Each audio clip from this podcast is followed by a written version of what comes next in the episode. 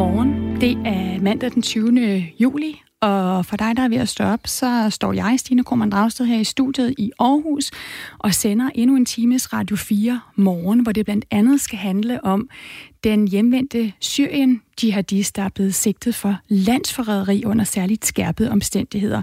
Vi skal tale øh, om, hvad det betyder, øh, hvad det er for en bevisbyrd, der skal løftes, og hvad det er for en, en øh, fængselsstraf, øh, han kan risikere. Og så skal det også handle om det her. Nogle siger, det er ligesom et kæmpe nys, der har været længe undervejs. Andre mener mere, at det er lidt ligesom lettelsen ved at få lov at tisse, hvis man har holdt så meget længe. But I can't seem to control it. I, I always feel like making love. I realize it's wrong, but not at all. Ja, vi taler altså om orgasme, vi taler om sex, og vi taler om, at færre kvinder end mænd mener, at øh, et godt sexliv er vigtigt. Kvinder har meget mindre lyst til sex end, end mænd, og kvinder har større problemer med at få orgasme end mænd.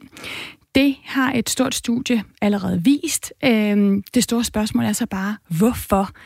Er det enkle svar, at øh, kvinder fra naturens side bare har mindre sexlyst, eller kan det også handle om måden kvinder og mænd er sammen på, og at øh, danske kvinder måske er langt fra så frigjorte, som vi går og tror.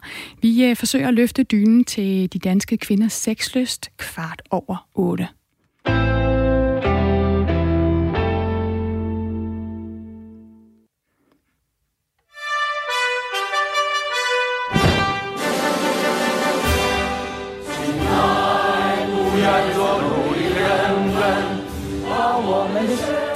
Det her det er Kinas øh, nationalmelodi, fordi kineserne, de vil så gerne have, at vi synes godt om dem her i Danmark.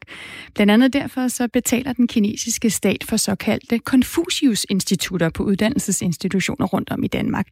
Det officielle formål med de her institutter, det er at øge den gensidige forståelse og venskabet mellem mennesker i Danmark og Kina. Det lyder jo alt sammen smukt og godt. Øh, de her Confucius-institutter, de sørger for undervisningsmateriale og udsendte lærere fra Kina, som hjælper de danske studerende med at lære om kinesisk sprog og kultur. Men ifølge en artikel for, fra Jyllandsposten, så er der et problem. Confucius-samarbejdet bliver i omverdenen betragtet som kinesisk propagandaøvelser, og mødes altså også med stigende international skeptisk. Og nu kan jeg byde øh, velkommen til to herrer, der har, øh, det kan vi godt sige, hver sit syn på øh, det danske kinesiske samarbejde. Den ene er direktør på IUC Nord, Neil Jacobsen. Godmorgen til dig. Godmorgen. Øh, EUC Nord er et, så, har et såkaldt Confucius Classroom, hvor man altså har modtaget gratis undervisningsmateriale betalt af den kinesiske stat. Så har vi også uh, Thomas Ruten uh, med på linjen. Godmorgen, eller med i studiet. Godmorgen. Godmorgen. Uh, du er formand for Dansk uh, Kina-kritisk Selskab. Vi starter lige hos dig, uh, Neil Jacobsen. Hvad er det for noget undervisningsmateriale, I får fra Confucius-instituttet? Det er ganske simple undervisningsmateriale, der fortæller omkring Kinas historie, kultur, og øh, ja, den er ikke fyldesgørende, øh, og den tegner selvfølgelig ikke et dårligt billede af Kina, men øh, vi er da i stand til at håndtere kilde kritisk under alle omstændigheder. Hvis vi lige skal sætte lidt fakta på, så var det Handelsgymnasiet HHX på EUC Nord i Jørgen, der i 2014 som det første erhvervsgymnasium i Danmark kunne tilbyde sine elever et uh, Confucius uh, Classroom, som det altså hedder. Konceptet ja. Confucius Classroom stammer fra Confucius-instituttet ved Beijing uh, Normal University i Kina, og Confucius-instituttets fornemmeste opgave er at udbrede kinesisk sprog og kultur på verdensplan. Altså, øh, Niel Jacobsen, kan du ikke være bekymret for, om undervisningsmaterialet nu også giver eleverne et sandfærdigt billede af Kina? Jo, hvis vi uh, tilgik det fuldstændig ukritisk, så ville jeg da være, være bekymret. Uh, jeg må dog sige, at det, det er måske en lidt nedladende uh, måde at se på danske uddannelsesinstitutioner, underviserne og eleverne, hvis man mener, at de bare spiser alt råt. Det, øh, altså, vi har opdraget øh, vores elever til at være kildekritisk, og det er de også i sådan et tilfælde. Vores undervisere, de er selvfølgelig også med til at sikre, at man kan debattere ting, som ikke står i de materialer. Men det kan vi jo lige så kaste over til dig, Thomas Roden, formand for Dansk øh, Kina-kritisk Selskab. Hvad er problemet i, at de på EUC Nord får noget materiale, som deres elever kan forholde sig kritisk til om kinesisk sprog og kultur? Jeg vil gerne lige starte med at sige, at øh, det samarbejde, man har på EUC Nord, måske er det mindst tætte samarbejde, man kan have med et Confucius-institut, og dermed også det mindst problematiske, fordi alt samarbejde med Confucius, det er problematisk. Confucius er øh, i udlandet blandt andet af den kanadiske efterretningstjeneste stemplet som en propagandaorganisation, og hvis man hører på, hvad øh, topembedsmænd i Kina selv siger, så kalder de det også en propagandaorganisation. Og det, der for eksempel er problemet, det er jo, når, øh, når, øh, når eleverne på UC Nord, de skal lære omkring historie gennem øh, det her konfuse samarbejde. Jeg har kigget på noget af det her materiale, og noget af det, man jo blandt andet har kunne lære på deres online undervisningsmateriale, det er, at Kina de gik i krig i Korea for at redde den koreanske befolkning mod de amerikanske aggressioner. Øh, en anden ting, man også kan lære i de her undervisningsmaterialer, det er, at Kina de er den retmæssige ejer af det sydkinesiske hav, noget som international lov ikke anerkender, og også noget, som øh, Danmark ikke anerkender. Og jeg har det bare en lille smule svært ved at forstå, hvorfor det er, at vi skal hoppe i kagen med nogen, der har så blakket et ry og har så mange øh, historier på samvittigheden, hvor de har lavet censur, eller hvor de har udlagt historien øh, øh, på en helt, helt, helt forkert måde. Øh, og, og jeg kan ikke rigtig forstå, hvorfor det er, at man er så opsat på at skulle ind i et samarbejde med nogen, og give sine elever noget undervisningsmateriale, der er lavet af, af, en, øh, af en kilde, som jeg vil sige, er meget, meget, meget kritisk. Niel Jacobsen, altså direktør for EUC Nord. Hvad siger du til det? Jamen, altså, det, jeg, jeg synes, at det er en, en, en lidt underlig tilgang at, at have til det. For det første, at, at dine gæster uh, antager jo, at vi kun uh, viser dem en kilde. Uh, og jeg tænker, under alle omstændigheder er det ikke uh, en god idé, at man præsenterer flere forskellige synspunkter. Det er ikke for at give dem ret. Det er ikke for at sige, at Ja, selvfølgelig øh, er den kinesiske udlægning øh, den korrekte, men derfor er det vigtigt at vide, hvilken synspunkt findes der i verden. Altså, der er der mange andre lande i verden, hvor jeg vil sige, at jeg er heller ikke enig i det, der foregår der. Men derfor er det det vigtigt at vide, hvad det er, de mener. Men, men, men det, man jo er nødt til at tage med i det her, det er, at det er jo ikke bare nogle kilder, I bord. Altså, I har jo et konstitueret samarbejde med, med dem. I har lige bedt om penge, sådan som jeg forstår det. Og, og, og, og det er helt fair, at man tager forskellige kilder ind. Men, men jeg vil bare spørge, er der andre øh, organisationer, I kunne forestille jer at have et samarbejde med, der for eksempel lige er blevet smidt ud af Bruxelles, øh, fordi deres direktør dernede, han indgik i øh, spionagerekruttering. Er der andre organisationer, I kunne finde ud af at samarbejde med, der er udlandske efterretningstjenester, er blevet stemplet som propagandaorganisationer? Det har jeg meget svært ved at forestille mig. Niel Jacobsen, har du et, øh, et svar på det? Altså, der, kunne I forestille jer at, at samarbejde med andre, der har... Altså, det er jo meget kritisk, man forholder sig til Kina i verden lige nu. Vi har situationen i Hongkong, vi har situationen med mindretal, der bliver undertrykt, øh, kvinder, der bliver steriliseret osv. Øhm, kunne I forestille jer at samarbejde med et hvilket som helst andet land, der, der øh, gjorde de her ting? Jeg er ikke sikker på, at øh, alle lande de bliver underkastet den samme øh, hvad skal vi sige, grænsning af, af efterretningstjenester. Så måske vil det være flere lande, som øh, viser sig at have lidt blakket ry. Men det, det er ikke det, der er vores formål. Altså, vi, vi øh, understøtter da ikke, hvad det er, øh, kineserne de gør. Det er ikke det, det handler om. Det, det handler om, at jeg skal sørge for, at vores elever, de får en rigtig god undervisning, hvor de også bliver bekendt med, hvad der foregår i et af de vigtigste lande i verden. Her har vi så mulighed for at få nogle ganske øh, små beløb til at understøtte noget kulturelt, noget, noget sprogligt. Altså, det, vi taler faktisk om sådan noget som, at vores elever sammen med nogle kinesere en gang om året laver noget mad sammen. Det er et eksempel på en kulturel aktivitet. Men, men og så Niel taler Jacobsen, man om kinesisk øh, historie. Niel Jacobsen, direktør for EUC Nord, må jeg lige spørge dig, altså, når, hvis tjekker du det her materiale, og ved, ved du, om der for eksempel står de her eksempler, som Thomas Rodin lige kom med, som jo i en dansk optik er noget, vi ikke vil sige var den korrekte udlægning af historien? Jeg kan ikke kinesisk, det kan jeg da sige. Så nej, øh, jeg har ikke læst øh, de her bøger. Det er ikke det, det handler om. Øh, jeg har kyndige undervisere, der så er i stand til at læse dem. Og de øh, vurderer, at man godt kan bruge det. Man kan også bruge andre kilder. Og det synes jeg er selvfølgelig meget væsentligt, fordi vores elever, de skal det ikke ensidigt udsættes for en type information. De skal kunne forholde sig til også, hvad vi som danskere måtte mene var forkert. Men, men, men I bliver ved med at tale om, at det er kilder. Altså, det er jo ikke bare en kilde, I har lagt ind. I har et samarbejde med dem. I modtager penge fra dem. Altså, det, det her det er jo formaliseret. Det handler jo ikke bare omkring, at de præsenterer dem for noget materiale. Det var da helt fint, hvis de øh, fik noget materiale, der var altid, og de også fik nogle øh, taler og noget, der var fra Kina. Men det her er jo ikke bare materiale. Det kan du ikke negligere det til. Det er et samarbejde, I har. I har skrevet en kontrakt sammen. Øh, det er formaliseret. I er gør klar til at modtage penge af dem. Så lad være med at omtale det her, som om det bare handler om materialer, for det gør det ikke. Og Thomas, det er I blevet lukket ind i nu. Jeg tror, I er på dybt vand. Thomas Ruden, jeg skal lige stille dig et spørgsmål ja. også, øh, fordi øh, vi har fået en sms fra en af vores øh, lyttere, øh, som skriver, nu må man heller ikke lære om Kina. Vi er ved at blive en amerikansk lydstat. Hvad siger du til det? Nej, man må rigtig, rigtig gerne lære om Kina. Jeg synes faktisk, at man i Danmark skulle lære meget, meget mere om Kina, fordi det er et meget, meget vigtigt land. Men hvis man ser på det her Konfucius-institut, så er det bare ikke øh, et sted, hvor man lærer om Kina. Det er et sted, hvor man modtager kinesisk propaganda. Øh, og jeg synes jo ikke, det skal være sådan i det danske uddannelsessystem, at øh, nu er det for eksempel ikke sådan på EUC Nord, fordi de har egentlig endnu ikke et, et, et, øh, et system, der er helt koblet sammen. De modtager kun undervisningsmateriale fra Kina. Der er jo også flere øh, institutter i Danmark, der modtager lærere fra Kina. Og det, der er problemet med det, det er, at man får jo ikke den bedste undervisning om Kina.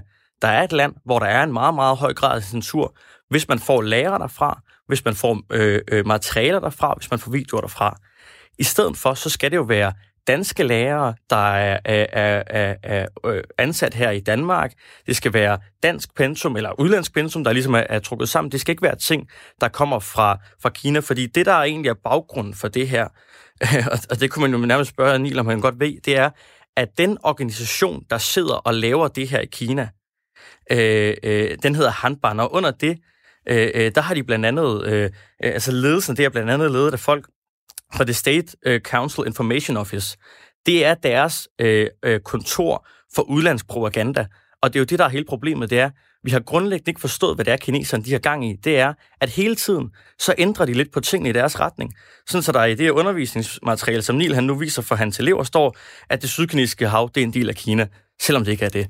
Og, og, og det er jo den måde, inden de arbejder lige, på. Øh, Thomas Rudin, inden jeg lige kaster den over til Neil uh, Jacobsen, så skal jeg lige spørge dig, har du et bevis for, at der har været kinesisk propaganda eller censur på de her danske skoler, der har Confucius-institutter?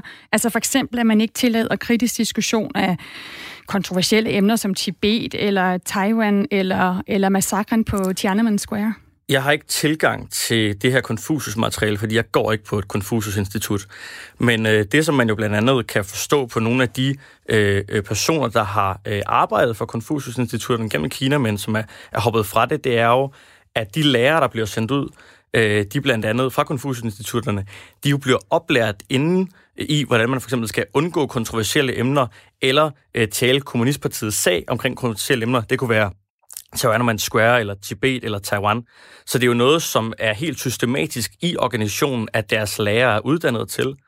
Og den her censur er jo helt grundlæggende systematisk for deres uddannelsesmateriale, fordi at alting, der bliver lavet i Kina, det skal overholde kinesisk øh, øh, øh, lovgivning på det her område. Thomas Rodin, nu stopper jeg lige dig, og nu skal vi lige kaste bolden tilbage til Neil Jacobsen, som er direktør for EUC Nord, som jo altså ikke har et Confucius-institut, men et Confucius Classroom, hvor I modtager materiale. Hvad vil det betyde for jer? Du siger, det er småbeløb, der er tale om. Hvad vil det betyde for jer, hvis Confucius-samarbejdet stopper? Øh, ikke det store. Altså, det betyder jo egentlig bare, at vi vil ikke have adgang til nogle øh, materialer, at det ikke vil være en, øh, en ramme at, at lave nogle aktiviteter indenfor nogle samarbejdspartnere i Danmark. Øh, jeg skal nemlig lige understrege, at vores kontrakt, som det bliver omtalt, det er altså med et dansk Confucius Institut. Det er ikke med Kina. Så altså, vi er sådan, om jeg så må sige, i tredje geled her. Um, så mener du, altså, mener du, at den her kritik ja, er overdrevet, også mod uh, de uh, danske skoler, der har Confucius-institutter? Mener du, det, at det er overdrevet? Du kaldte det nedladende ja, lige før. Jeg mener, at det er rigtig vigtigt, at vores elever er kritiske i forhold til et samarbejde med andre lande, som har andre værdier, end vi har. Og det synes jeg, vi skal gøre rigtig meget for at hjælpe dem med at forstå til at udøve kritik. Men når det er sagt, hvis man ikke er i stand til at føre dialog, så er man heller ikke i stand til at påvirke hinanden. Og jeg vil lige så gerne påvirke den anden vej.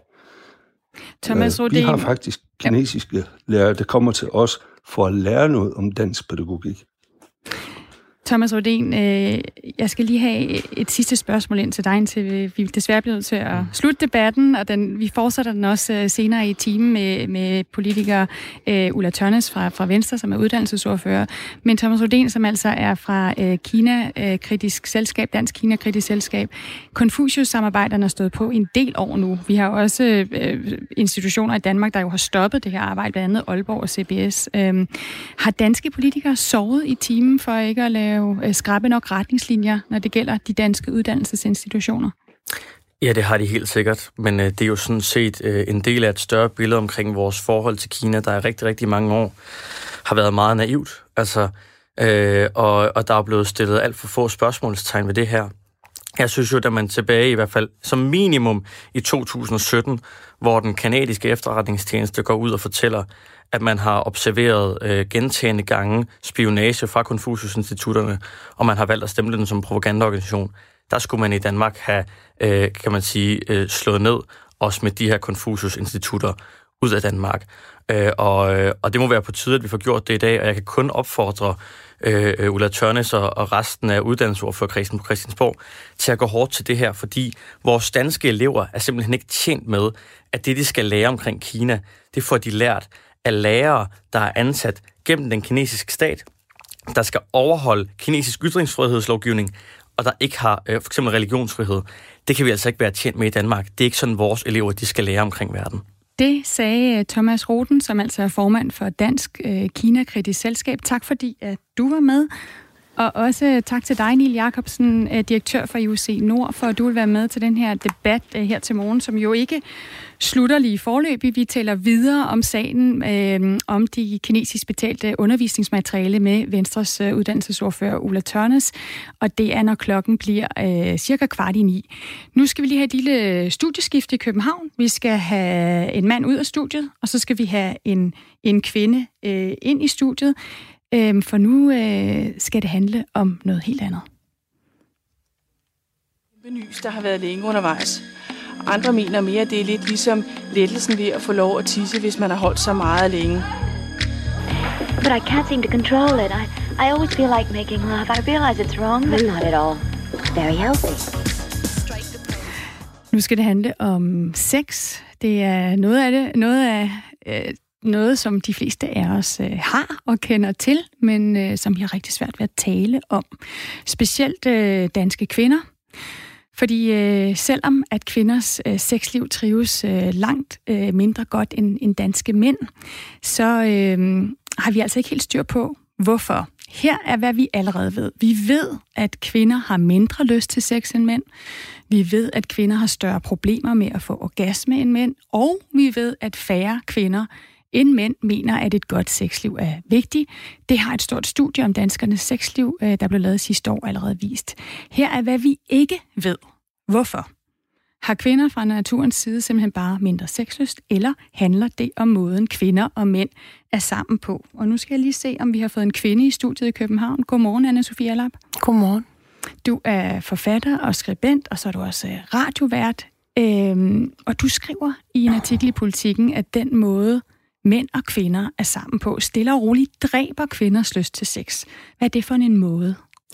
Og ja, ja, det ved jeg ikke, men altså, jeg kan bare, man kan jo se på, på statistikken, at øh, især øh, den øh, interesse, der er i at have sex, øh, den, den øh, forsvinder altså hen over livet for kvinder i et meget, meget større omfang end, øh, end mænd.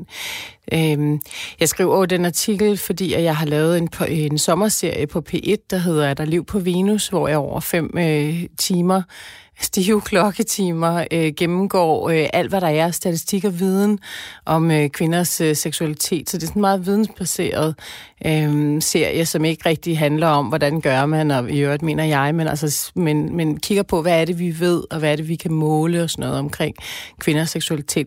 Og der er jo en eller anden øh, form for en øh, brændende platform, synes jeg, fordi at det er et halvt århundrede efter den seksuelle revolution, øh, der skulle vi alle sammen være flere frie, om, når man kigger på statistikken, så er der altså bare et meget, meget stort gab mellem mænd og kvinder stadigvæk. Og jeg spørger bare øh, i den serie der, hvorfor er der det gab? Altså er det øh, naturligt? Er det øh, noget med vores biologi? Er det noget med øh, os, hvordan vi indrettet os kvinder? Eller er det kulturelt, og hvor kommer de der pres på, øh, på os så? Øhm, og så konkluderer jeg lidt, eller jeg forsøger sådan forsigtigt at lægge noget op i den der artikel der i, øh, i Politikken i weekenden, hvor jeg siger, altså det ser ud som om, at der, der er noget også i den måde, vi er på sammen øh, som ikke, altså som er, er lagt bedre til rette øh, til mandens seksualitet. Øh, hvorfor skriver jeg det? Jo, øh, fordi at vi notorisk har svært ved at få orgasme. Der er rigtig mange kvinder, der har svært ved at simpelthen at, altså det er sådan rent funktionelt øh, at få orgasme sammen med en mand. Øhm, og, øh, og det kan de jo altså godt, når de er alene. Øhm, altså, så biologisk, biologien sådan rent øh, øh funktionelt fungerer jo ikke, altså fungerer jo godt alene, men ikke øh, sammen med en mand. Hvad er det så for en måde at være sammen på, som, som, øh, som vi har fundet frem til? Hvad er det for et manuskript for det seksuelle samvær, som vi har fundet frem til? Øh, det, jeg tror, at de fleste 15-årige kan svare på det, men altså, øh, hvordan et almindeligt samleje foregår jeg tror måske, at der er noget i det, som som er bedre lagt an til mandens seksualitet end til kvindens. Jeg vil gerne dykke lidt mere ned i det her med øh, orgasme, og hvem der er lettest for orgasme, mm. og, og hvor ofte. Men øh, Anne Svela, lige først vil jeg lige smide det her ud til lytterne, fordi øh, jeg regner med, at de fleste har haft en eller anden erfaring med sex. Øh, jeg vil godt tænke mig at høre, hvis der sidder nogle kvinder eller mænd derude, der har lyst til at byde ind med deres egne erfaringer, så kan de skrive ind på 1424 øh, og starte deres besked med R4. Kan du som kvinde øh, nikke genkendende til det her med ikke at have det store sex drive? Øh, hvor meget eller hvor lidt betyder sex for dig? Og hvad med mændene? Altså hvad med jer mænd? Vil I ønske, at vi danske kvinder var mere frigjorte? Vil I ønske, at vi var bedre til at sige, hvad der skal til for, at sex bliver dejligt også for os? Øhm, Anne-Sophie Aller, i dit radioprogram er der et liv på Venus på P1. Der forsøger du jo at få svar på, som du siger, mm. hvorfor det står så relativt skidt til med de danske kvinders lyst til sex sammenlignet med mænd. Mm-hmm. En af de ting, du bider mærke i, det er, at lesbiske kvinder oftere får orgasme end heteroseksuelle kvinder. Er det her mændenes skyld? Øh, nej, nej, det er ikke mændenes skyld overhovedet. Altså, og det her, det er international forskning, der peger på det. Det er faktisk altså, et markant gab, der er mellem øh, lesbiske kvinder og heteroseksuelle kvinder.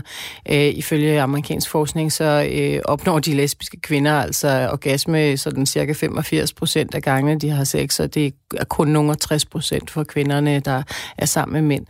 Det, har jo ikke, det er jo ikke sådan noget med at udpege en eller anden, eller udskamme en eller anden øh, sønder her. Øh, det, det handler sådan set, det vi er jo fælles om at, at udfolde og, og bære kulturen mænd og kvinder i, i Danmark. Mænd er jo lige så, øh, i lige så høj grad øh, en del af det manuskript, der er øh, for den måde, vi er sammen på øh, som køn.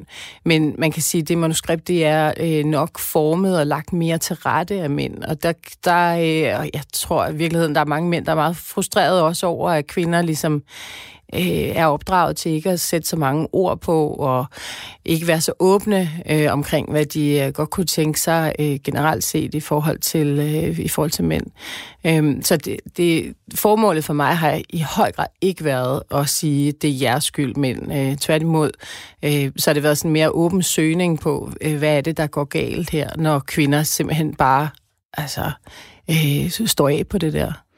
Og du er så gået på jagt i, i de her programmer, er der liv på Venus, så du er gået på jagt efter løsninger, der kan give mere og bedre sex til danske kvinder ved at kigge på biologien og fysiologien og adfærdspsykologien og, og alt muligt. Hvad ja, mere forklaringer i virkeligheden ja. end løsninger. Altså jeg, jeg spørger, er, er det vores kultur, altså er det vores kulturarv, det vi er blevet fortalt igennem generationer? Er det biologien? Kan vi kigge på aberne og få nogle svar? Det kan vi ikke rigtigt faktisk. Altså det er meget sjovt, at bonoboerne og og chimpanserne, de er simpelthen nogle gevaldige liderbasser, der bare knaller alt og alle øhm, i et flæng, og uden hensyn til, om de kan blive gravide eller ikke blive gravide. Det er altså vores tætteste slægtning i dyreriget. Ikke? Vi skal længere væk øh, for at finde noget, der ligner os. For eksempel gorillaen, der er harems øh, personer, ikke? Altså, de, de lever i sådan nogle tætte haremstrukturer. Eller øh, gibbonen, som er øh, seriemonogam. Men altså, øh, og så spørger vi, hvad er det for nogle øh, påvirkninger, der er inden for øh, kulturen? Øh, hvad er det, vi siger til små børn, øh, når, de, øh, når de begynder at, at røre ved sig med, mellem benene osv.? Altså, hvordan er det, vi påvirker hinanden i vores kultur? Og hvad, hvad betyder parforholdet for eksempel? Men hvad betyder vores, øh, vores biologi også? Altså, der vides jo noget mere om Mars' overflade, end hvad der præcis foregår altså imellem hofteskålene på en almindelig kvinde. Sådan det, videnskab. Det blev ordene denne gang om kvinder og sex fra Anne-Sophie Allap, som altså er forfatter, skribent øh, og også radiovært på programmet Er der liv på Venus på P1. Øh, nu er klokken halv ni.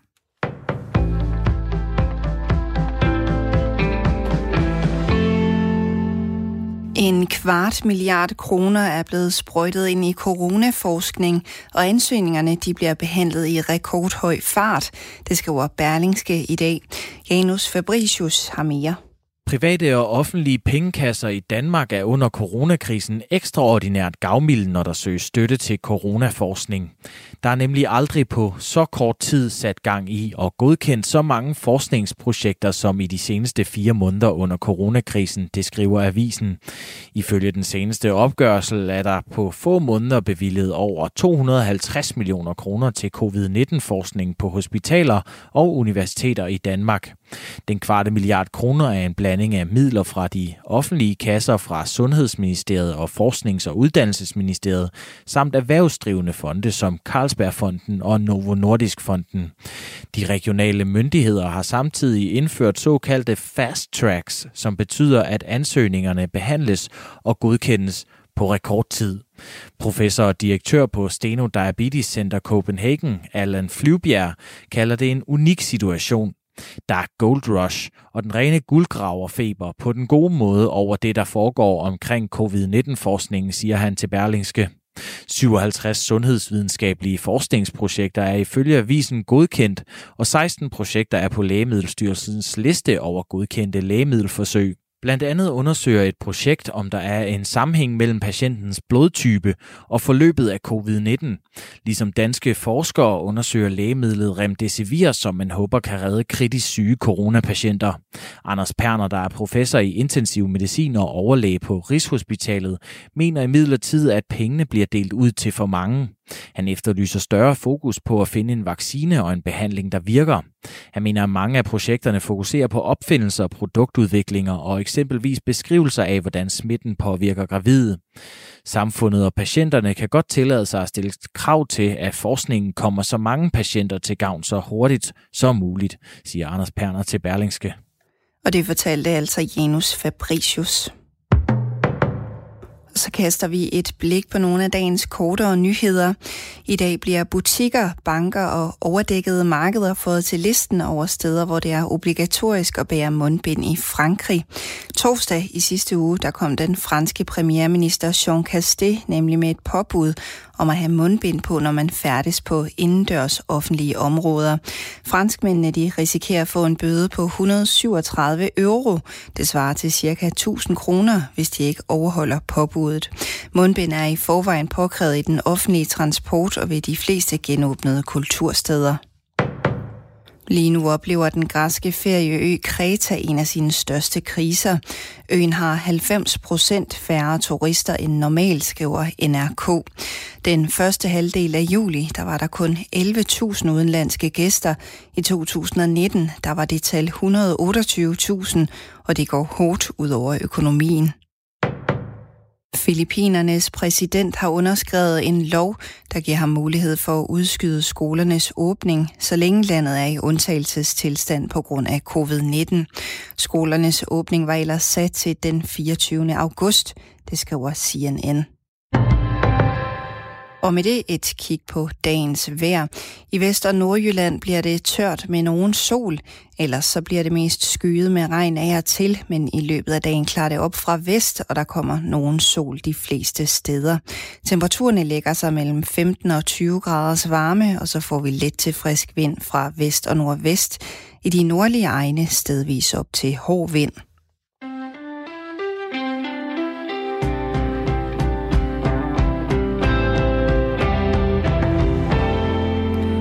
Godmorgen. Man tror dårligt sine egne ører. En dansk undervisningsinstitution, som modtager økonomisk støtte fra et korrupt land mod at udbrede deres propaganda. Det nærmer sig korruption og er under alle omstændigheder uetisk og uacceptabelt. Det har Tina skrevet ind til os på 1424.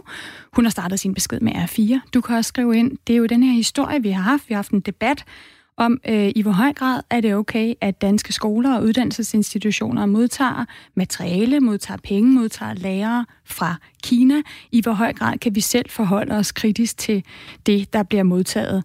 Øh, der er også en lytter, der skriver ind øh, uden navn, men der skriver ind, der er mange amerikanske institutioner, som er direkte betalt af CIA. Så er vi kommet til Radio 4 Morgens sommerrundtur i det ganske danske land. Øh, vi kender jo vores egen øh, baggård eller lokalområde, men hvad foregår der egentlig i naboens? I de her sommeruger, der snakker vi med øh, lokale og regionale journalister og redaktører for at lære Danmark lidt bedre at kende. Og øh, her til morgen, der er turen kommet til Syd- og Sønderjylland. Og nu skal jeg lige have tændt for dig, Amalie Tarp Borup. Godmorgen. Godmorgen. Jeg skal også skrue lidt op for dig. Øh, du er journalist på nyhedsredaktionen på Jyske Vestkysten.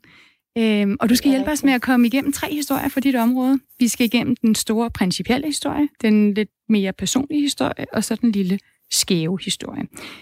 Øh, Amalie Tarboer, vi starter med den store principielle. Det handler om intet mindre end øh, handel med mennesker og tvangsarbejde. Hvad er historien? Jamen, øh, jeg har valgt, at øh, vi skal sætte lidt nærmere på en historie, der har fyldt øh, meget i vores avis i, i flere år, hvor der jo så for nylig er sket en, øh, en udvikling. Det er den her Kurt Beyer-sag, som øh, vi populært kalder den, som jo er transportvirksomheden øh, Kurt Beyer, som øh, i forrige uge øh, blev der rejst tiltale mod tre ledende personer fra det her, øh, trans- Amalie den her transportvirksomhed. undskyld, jeg afbryder dig lige. Kunne du skrue en lille smule op for din telefon, for så kan vi bedre høre dig? Ja, det kan jeg da. Er det bedre nu? Ja, nu er det, nu er det meget bedre. Og så skal vi bare Super. lige se, være sikker på, at din mikrofon, dit headset, ikke uh, ligger og krasser mod din skjorte eller bluse. Ja, er det ja, bedre nu? Nu er det så fint. Perfekt. Vi talte om ja, Kurt Beyer-sagen. Ja, lige præcis. Hvor der jo i forrige uge øh, blev rejst tiltale for grov udnyttelse af udlandske chauffører fra øh, Filippinerne og Sri Lanka. Det var jo i 2018, hvor det blev afsløret, at, øh, at den her virksomhed altså havde lavet øh, chauffør, chauffører bo i, øh, i en slumlejr nede i Padborg med begrænset adgang til toilet og køkkenfaciliteter og uden adgang til lægehjælp, og altså også øh, gik til omkring 15 kroner i timen. Dengang der vurderede øh, Socialstyrelsens øh, Center mod øh, Menneskehandel, at, at der var tale om menneskehandel i den her sag mod de her, en del af de her chauffører, hvorfor de også blev anmeldt for det. Og der er så blevet efterforsket siden da.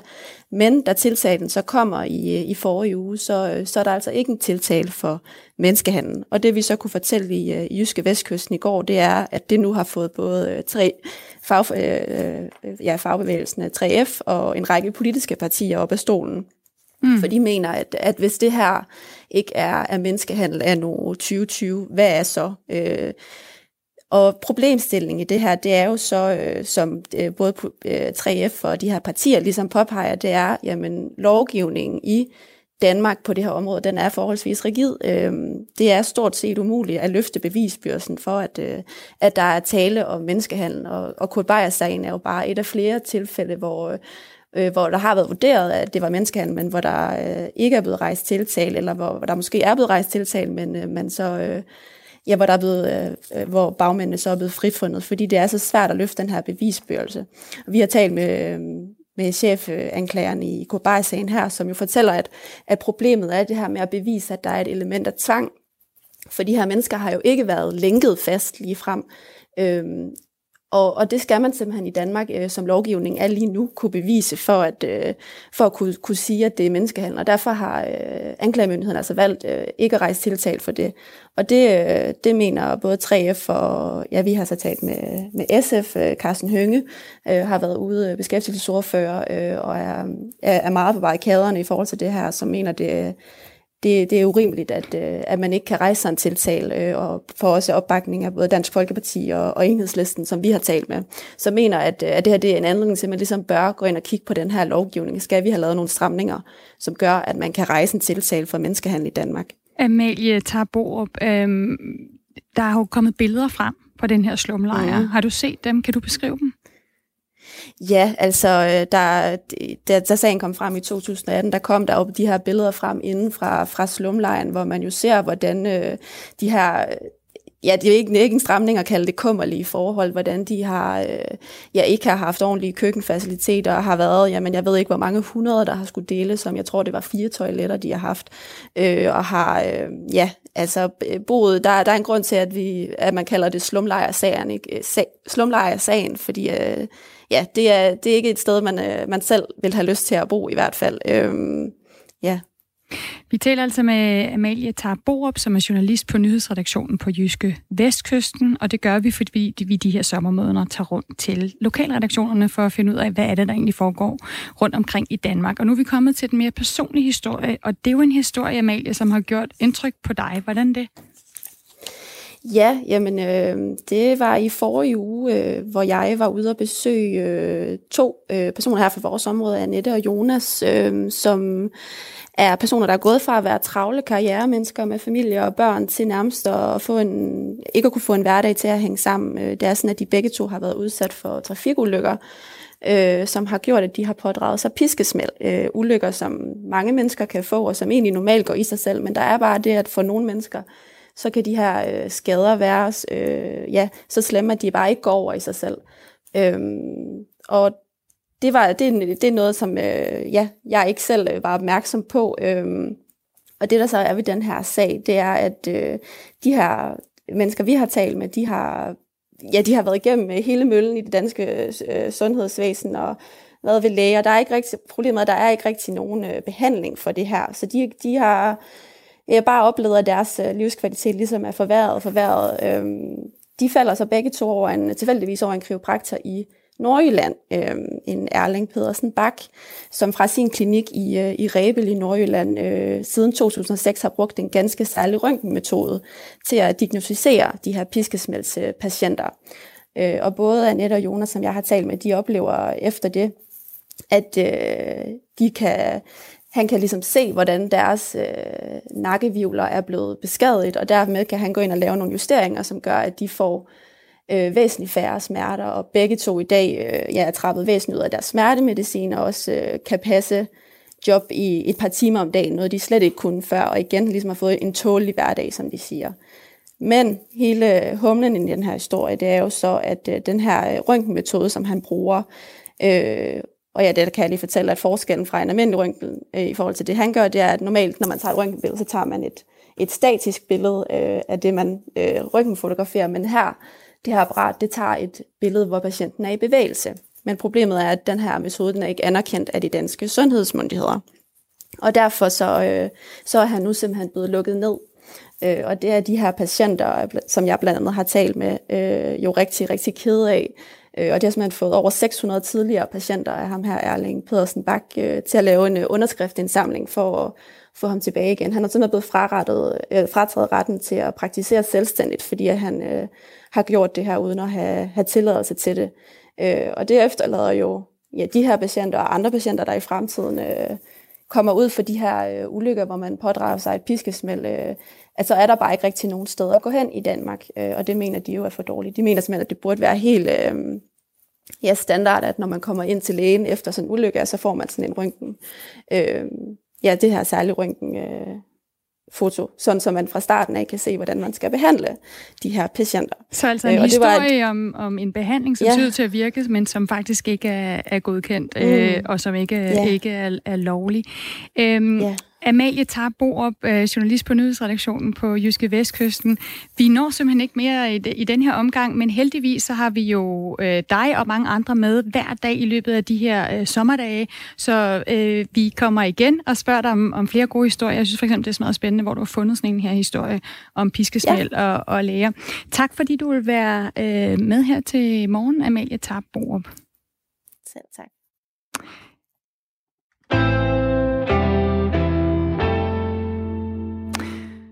Hvert år så modtager danske uddannelsessteder millioner af kroner fra den kinesiske stat som støtte til undervisning i kinesisk sprog og kultur. Øhm, det talte vi om her tidligere på morgen, hvor vi havde en debat med en af stederne, EUC Nord, øhm, og øh, Thomas Roden fra Dansk Kina Kritisk Selskab, som mener, at det her det bliver stoppes. Det sker som en del af det såkaldte Confucius-samarbejde, og officielt er meningen at skabe venskab mellem øh, danske, danskere og kinesere. Nu kan jeg sige øh, godmorgen til dig, Ulla Tørnes. Godmorgen. Godmorgen. Du er uddannelsesordfører øh, for Venstre. Og du siger til Jyllandsposten, at du vil have undersøgt, hvor meget Kina er inde over undervisningen i Danmark. Hvad er det farlige ved det her?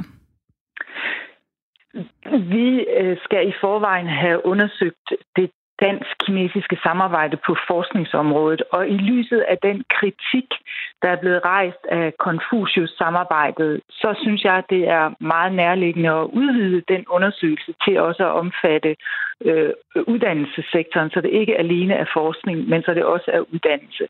Og jeg er bekymret ligesom andre har givet udtryk for, for den måde Confucius er øh, etableret på som en integreret del af de danske uddannelsesinstitutioner. Jeg tror ikke, det er hensigtsmæssigt, at vi på den måde har åbnet op over for et øh, andet land øh, og give adgang til øh, på, den, på den måde, som det, øh, som jeg har fået oplyst, er tilfældet med Confucius-programmet. Så helt konkret, hvad er det farlige i det her materiale? Jamen, Kina øh, ser ikke på menneskerettigheder på samme måde, som øh, vi gør i Danmark. Og øh, ytringsfrihed øh, for eksempel er jo øh, en bærende, øh, et bærende fundament i et demokrati og folkestyre som det danske. Og hvis det forholder sig sådan, at øh, man ikke fortæller, hvad kan man sige, hele historien om Kina, når man er en del af Confucius-programmet, så synes jeg ikke, at det er godt nok. Så er det bekymrende på mange måder. Øh, det er det ene. Og det andet, det er, at øh, når man giver adgang for et andet land til at være en del af vores uddannelsessektor på den måde, som det i hvert fald er blevet oplyst over for mig, at Confucius-programmet er, øh, så giver man også adgang til viden. Øh, og viden, det er magt. Ulla Tørnes, spørgsmål... må jeg lige spørge dig, har du læst det her materiale selv? Det har jeg ikke. Jeg er ikke en del af Confucius-programmet. Jeg har lyttet til den kritik, som øh, er kommet, øh, både den kritik, som er kommet fra dansk side, men også den kritik, som har ført til, at man i Kanada kalder Confucius-programmet for øh, kinesisk propaganda, at man i Sverige til synlædende som jeg har fået det at vide i hvert fald, øh, har valgt at øh, lukke for muligheden for, at øh, Confucius kan være en del af de svenske uddannelsesinstitutioner. Og det er i det lys, jeg ønsker at øh, den danske Øh, minister skal undersøge, om det er den bedste måde at samarbejde med et land som Kina på, eller vi måske kunne finde andre veje. Altså Neil Jacobsen, som er direktør for EUC Nord, øh, som har ikke et Confucius-institut, men et øh, classroom, han øh, kalder det nedladende, at øh, man ikke øh, tror, at man tror, at man ikke kan forholde sig kritisk til for eksempel at få det her materiale, undervisningsmateriale fra, fra Kina. Er det ikke en god idé øh, øh, for en politiker som dig, at, at læse det her materiale, inden du kritiserer det? Det mener jeg ikke, der er øh, behov for. Altså, jeg er jo ikke øh, ekspert på området. Jeg er et holdningsmenneske, jeg er politiker, og det er præcis derfor, jeg har bedt ministeren om at komme på banen, og det synes jeg, hun skal se at komme. Øh, hun sidder på ekspertisen. Det er hende, der har øh, embedsværket, som kan lave de analyser, som du her forlanger. Jeg som øh, politiker skal lave. Det er ikke min opgave efter min opfattelse. Jeg er et holdningsmenneske, og øh, i det lys har jeg bedt ministeren om øh, at inkludere Confucius-programmet i den øh, undersøgelse, som i forvejen er blevet øh, til, øh, øh, som i forvejen er, er, er vi har anmodet om bliver lavet på øh, øh, forskningssamarbejdet med Kina. Synes du, det er unfair, jeg spørger, om du har læst det her materiale? Nej, du må spørge om, hvad du vil. Du er journalist, og, og jeg er politiker, og jeg forsøger at svare efter bedste evne ud fra øh, de holdninger, som jeg bygger min politik på. Lad mig lige spørge så til nogle af de andre holdninger, du har. Nu siger du, du er et holdningsmenneske som politiker. Altså, kineserne har jo så, altså betaler jo så penge til nogle danske skoler og institutioner, som enten modtager materiale, nogle af dem har modtaget også lærere. Men de har jo også belønnet lande, blandt andet Danmark, på alle mulige andre måder, øh, som de har et godt forhold til. Blandt andet med udlån af, øh, af pandager. Altså fænomenet kaldes pandadiplomati. Øh, og fra april sidste år, der kunne danskerne øh, se de her to pandager, Mao Sung og Xing i Københavns Zoologiske Have. Øhm, hvor langt kan vi, altså, det, det her med, at vi skal stoppe samarbejdet, når det gælder undervisningsmateriale, må vi gerne have deres pandaer i zoologiske Have? Altså, jeg skal lige understrege over for dig, jeg har ikke bedt om, at Confucius-samarbejdet skal stoppe.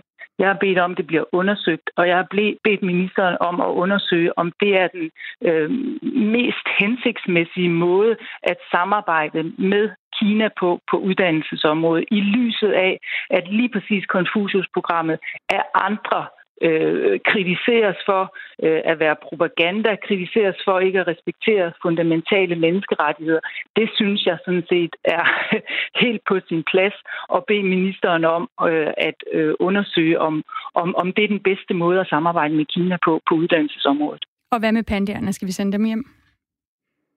Det synes jeg ikke. Det synes jeg vil være en rigtig, rigtig dårlig idé. Pandaerne er en helt, helt anden historie og øh, bygger på øh, øh, et langt, sejt træk for at få et øh, tæt samarbejde med Kina. Og jeg skal understrege, jeg lægger ikke op til, at Confucius-programmet skal lukkes. Jeg lægger op til, at det skal undersøges, om det er en hensigtsmæssig måde at samarbejde med et land som Kina på.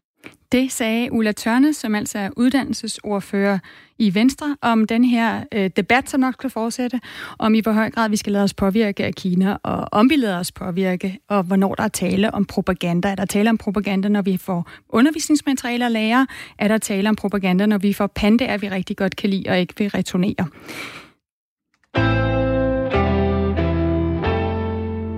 Så springer vi fra Kina og tale om propaganda og undervisningsmateriale til tale om landsforræderi og en hjemvendt Syrien-jihadist, som er blevet sigtet øh, for landsforræderi under særligt skærpede omstændigheder og derfor risikerer fængsel på livstid.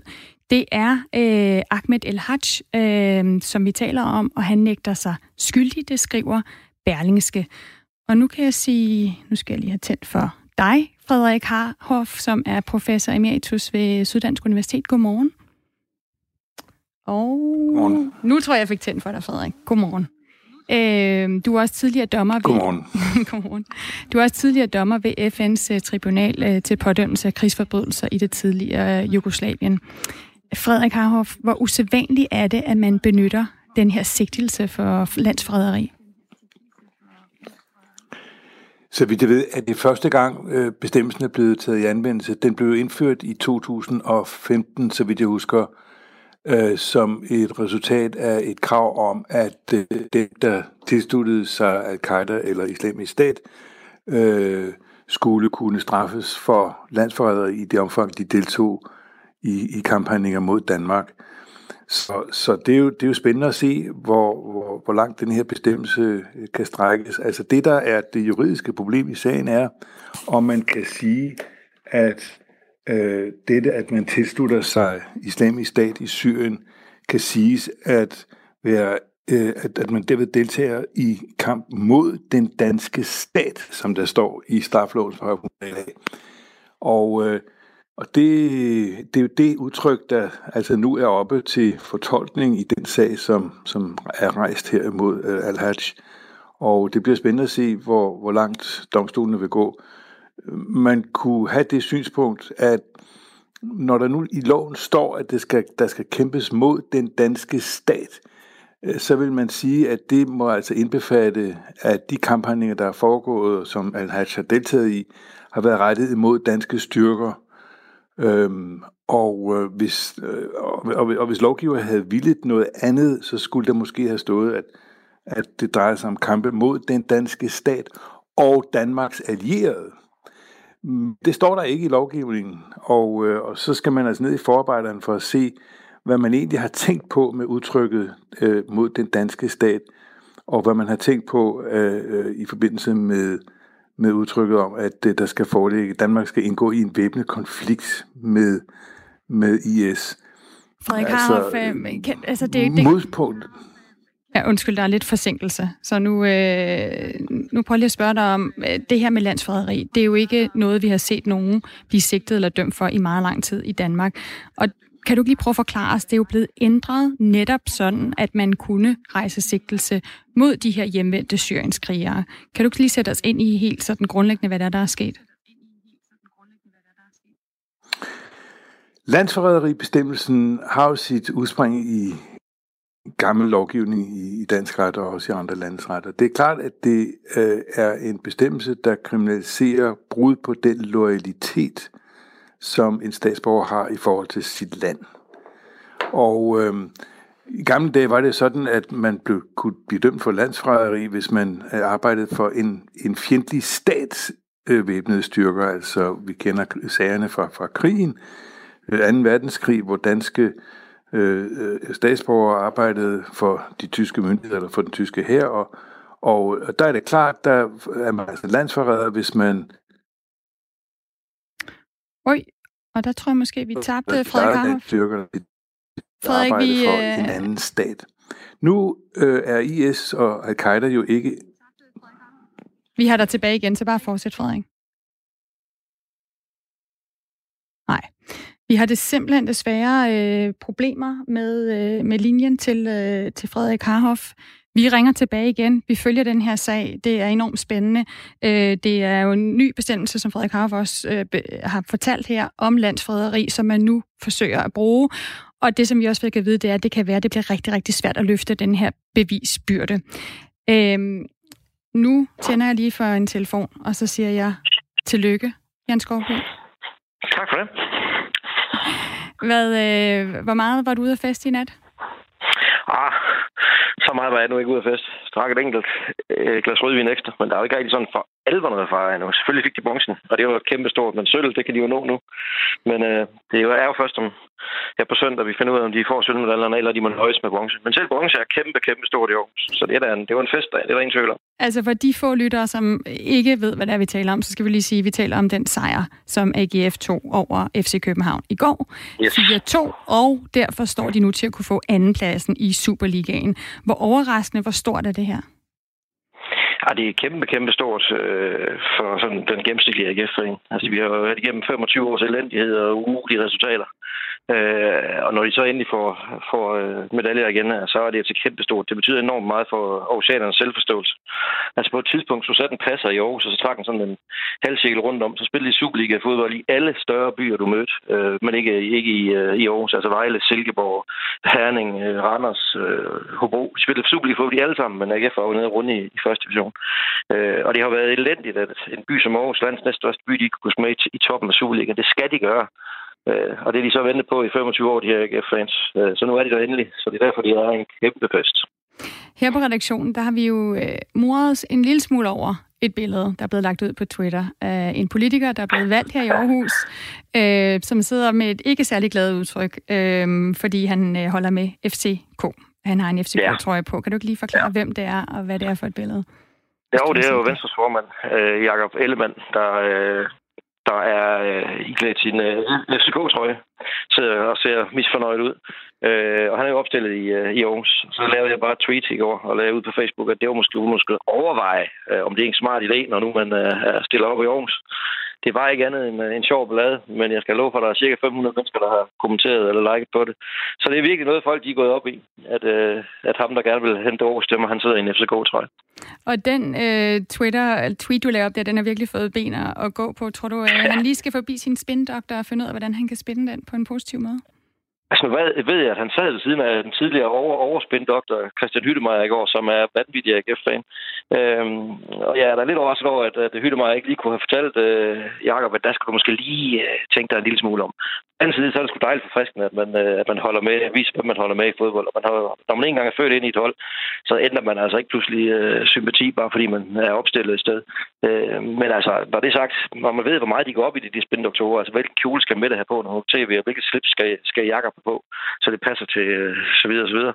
Øh, de går op i det selv den mindste detalje, så var det her måske ikke det smarteste lige den dag, hvor Aarhus endelig fejrer noget, at, at han sad i, i, i en i en FCK-trøje, men altså, nu skal vi ikke gøre mere end, end ud af den der. Det er fis og, og ballade, og jeg er sikker på, at så nogen, der kan tage det her, så er det Jacob Ellemann. Og som sagt, så er det måske også det der med, at det vigtigste som politiker, det er at være autentisk, og det, det må man jo så sige, Jamen, han var her. Øh, Jan Skovby, jeg skal bare lige for sådan en som mig, som jo har været i udlandet i, i 14 år, og bare ikke har fulgt særlig meget med i dansk fodbold. Jeg har fulgt en del med i amerikansk kvindefodbold og i vestafrikansk fodbold. Hvad, øh, der er ikke nogen chance for, at de kan tage guld, vel? Der har øh, øh, med Midtjylland bare snuppet. Det har de taget ud i, ja. uh, i Herning, og det, det er fuldstændig interesseret, de godt og grundigt på. Men bare det, at de kan overhælde København og tage sølv måske, det er jo uh, det er kæmpestort. Nu skal man, det er den her ene sæson, og der er lang vej før AGF permanent kan måle sig med FC Midtjylland og FC København, fordi de har så mange penge. Det er et spillerbudget, der er mange gange større, og det er altså bare alt afgørende. Men øh, det skal vi ikke tage glæden fra dem, for AGF-fans er det her en kæmpe, det er en kæmpe dag i går, og hvis, øh, uanset om det bliver sølvet bronze søndag, så bliver det en kæmpe, kæmpe dag der også. Sagde Jan øh, Skovby, som altså er chefredaktør på øh, Aarhus Stifttidene, som vi lige her fangede efter. Han siger selv, at han er ude at løbe en tur. Øh, nu er klokken blevet 9, og Signe Ribergaard Rasmussen står klar med nyhederne.